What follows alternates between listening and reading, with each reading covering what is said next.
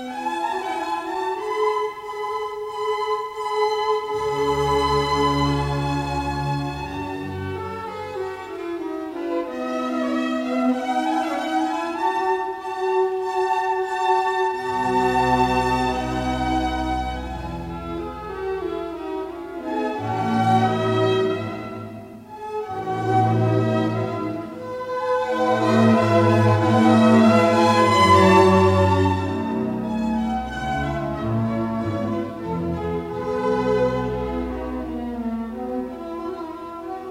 Gezin naar Gods plan. Welkom luisteraar in het familieprogramma van de Stichting Adulam, wat dit keer gaat over de gevolgen van spotternij, vooral binnen het huwelijk. Het is genomen uit 1 Samuel 6, vers 12 tot 23. Luister maar weer mee, de gevolgen van spotternij.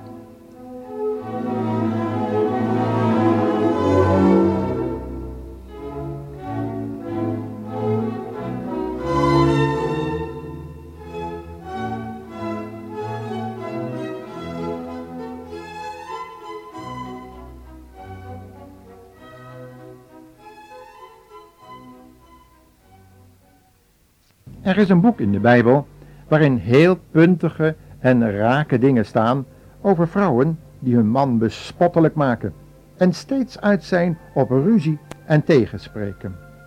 Dat boek heet Spreuken en is door een man geschreven die veel geluisterd heeft naar de problemen die mensen met hem kwamen bespreken.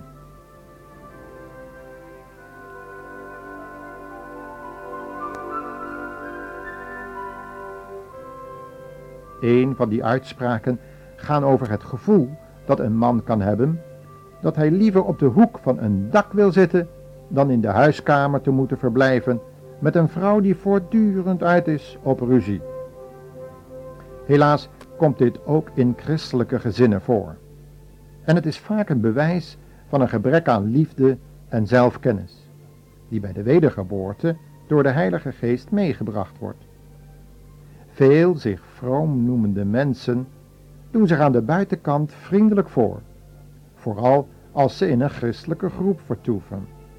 Maar in het gezin zijn ze vaak onuitstaanbaar. David verkeerde in zo'n situatie met de koningsdochter Michal. Laten we maar eens lezen hoe ze reageerde toen David opgewekt en in eenvoudige witte priesterkleding voor de heilige ark uithuppelde om deze op de plaats van bestemming te brengen.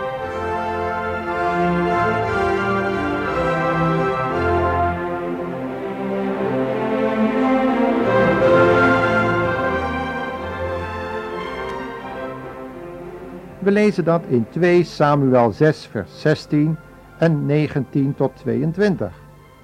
Daar staat het volgende. Sauls dochter Michael keek uit het raam toen de stoet de stad binnenkwam. Zij zag hoe de koning David voor het oog van de heren danste en sprong en voelde een diepe minachting voor hem. Toen de hele plechtigheid achter de rug was en iedereen naar huis was gegaan, ging ook David naar huis om zijn gezin te zegenen.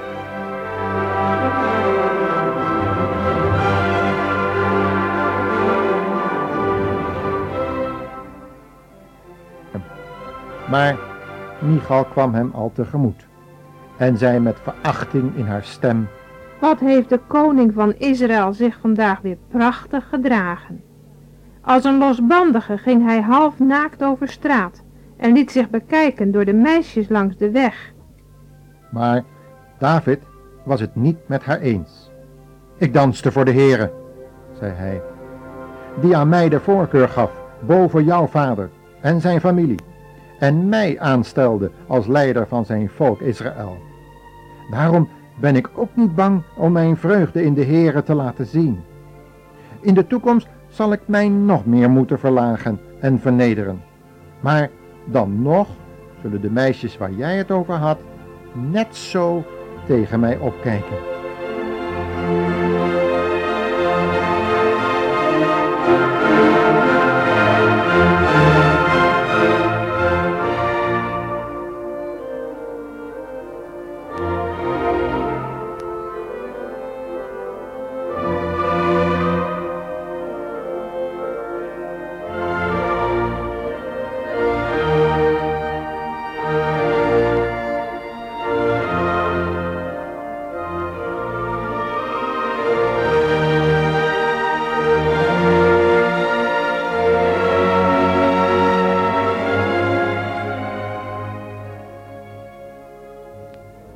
Zal je maar gebeuren. Je bent opgewekt bezig met een vreugdevol werk voor God te doen en daar komt je eigen vrouw de boel afkraken. Kritiek op je houding tegenover de mensen waarmee je te maken had.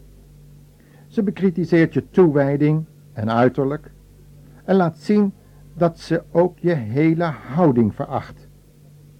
Dat gaat door merg en been, nietwaar? Helaas komt zo'n gebeurtenis ook in christelijke gezinnen voor. Juist als je op het punt aangekomen bent dat je Gods wil voor je leven meent ontdekt te hebben, en je die wil begint uit te voeren, word je herinnerd aan het moment dat je getrouwd bent. David kreeg uit politieke overwegingen de koningsdochter Michal als vrouw aangeboden. Zij zou hem volgens het plan van zijn schoonvader ten val moeten worden. Zo wilde die vrome, maar jaloerse koning Saul het. Maar God dacht hier anders over en gebruikte Michal juist om David te laten ontsnappen aan de grijphanden van zijn valse schoonvader. Na enkele moeilijke jaren ontmoeten Michal en David elkaar weer. En lijkt alles in orde tussen die twee. Helaas, hoe heeft David zich in zijn vrouw vergist? Zij kende de Heere God niet zoals David hem kende en met hem leefde. En dat bracht geestelijke verwijdering tussen die twee.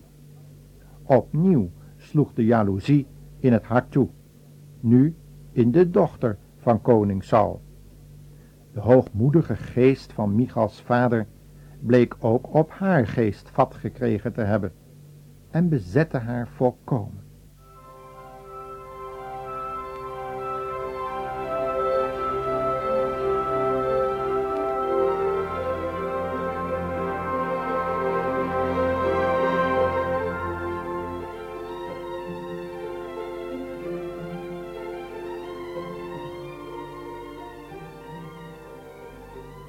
Maar David laat zich niet ontmoedigen.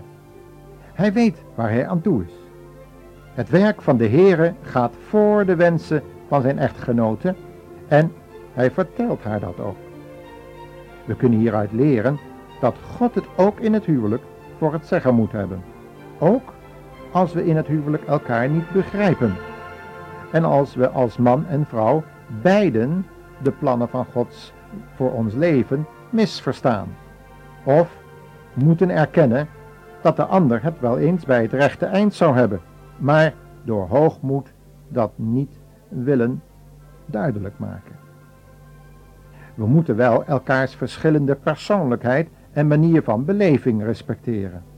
Maar Gods woord blijft onfeilbare maatstaf voor het handelen van twee mensen die elkaar als hulp tegenover elkaar zijn gegeven.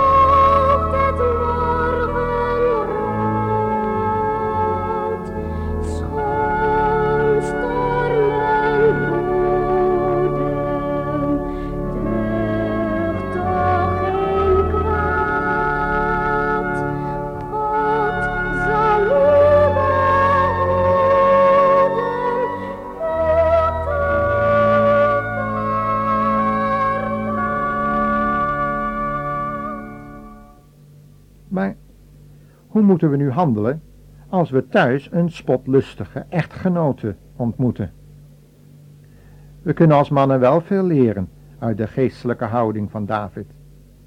In vers 13 blijkt dat het David om de eer van God ging en inzicht had hoe God gediend wilde worden. Door schriftonderzoek had hij, door schade en schande heen wijs geworden, gemerkt hoe Gods naam geëerd moest worden. En hij zette alles op alles om dat ook praktisch uit te voeren.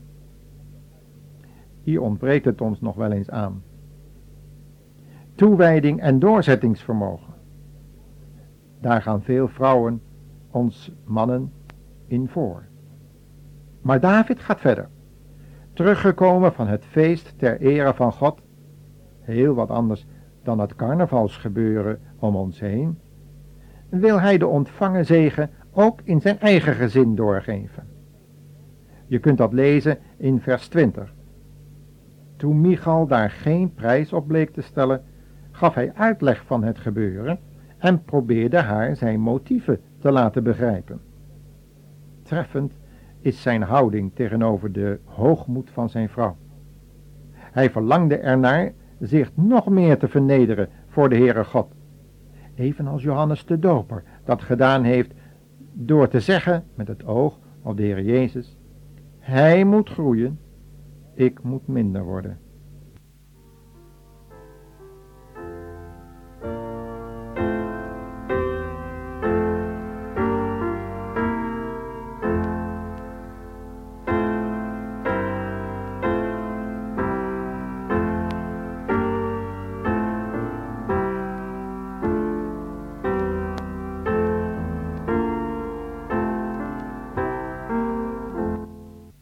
David had deze houding vaker getoond. Vooral in zijn ontmoetingen met zijn schoonvader. Toen deze hem zocht te doden, zei hij eens tegen die jaloerse koning Saul, Wat zoekt u toch naar een enkele vlo en een dode hond? Luisteraar, ik denk niet dat wij zo'n houding vaak tonen, als we belaagd worden en vernederd.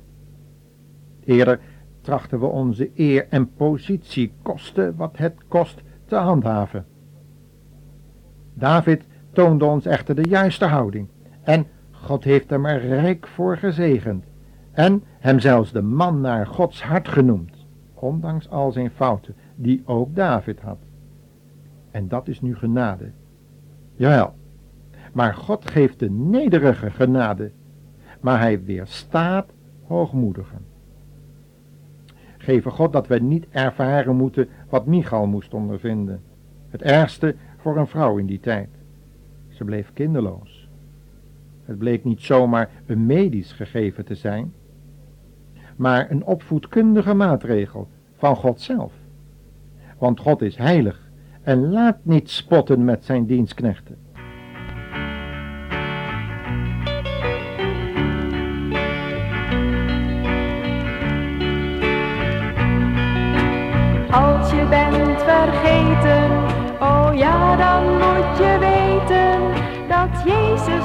Dezelfde is en blijft in eeuwigheid. Hij wil nog steeds vergeven, wat je ook hebt misdreven, maar jij moet alles geven, want pas dan word je bevrijd.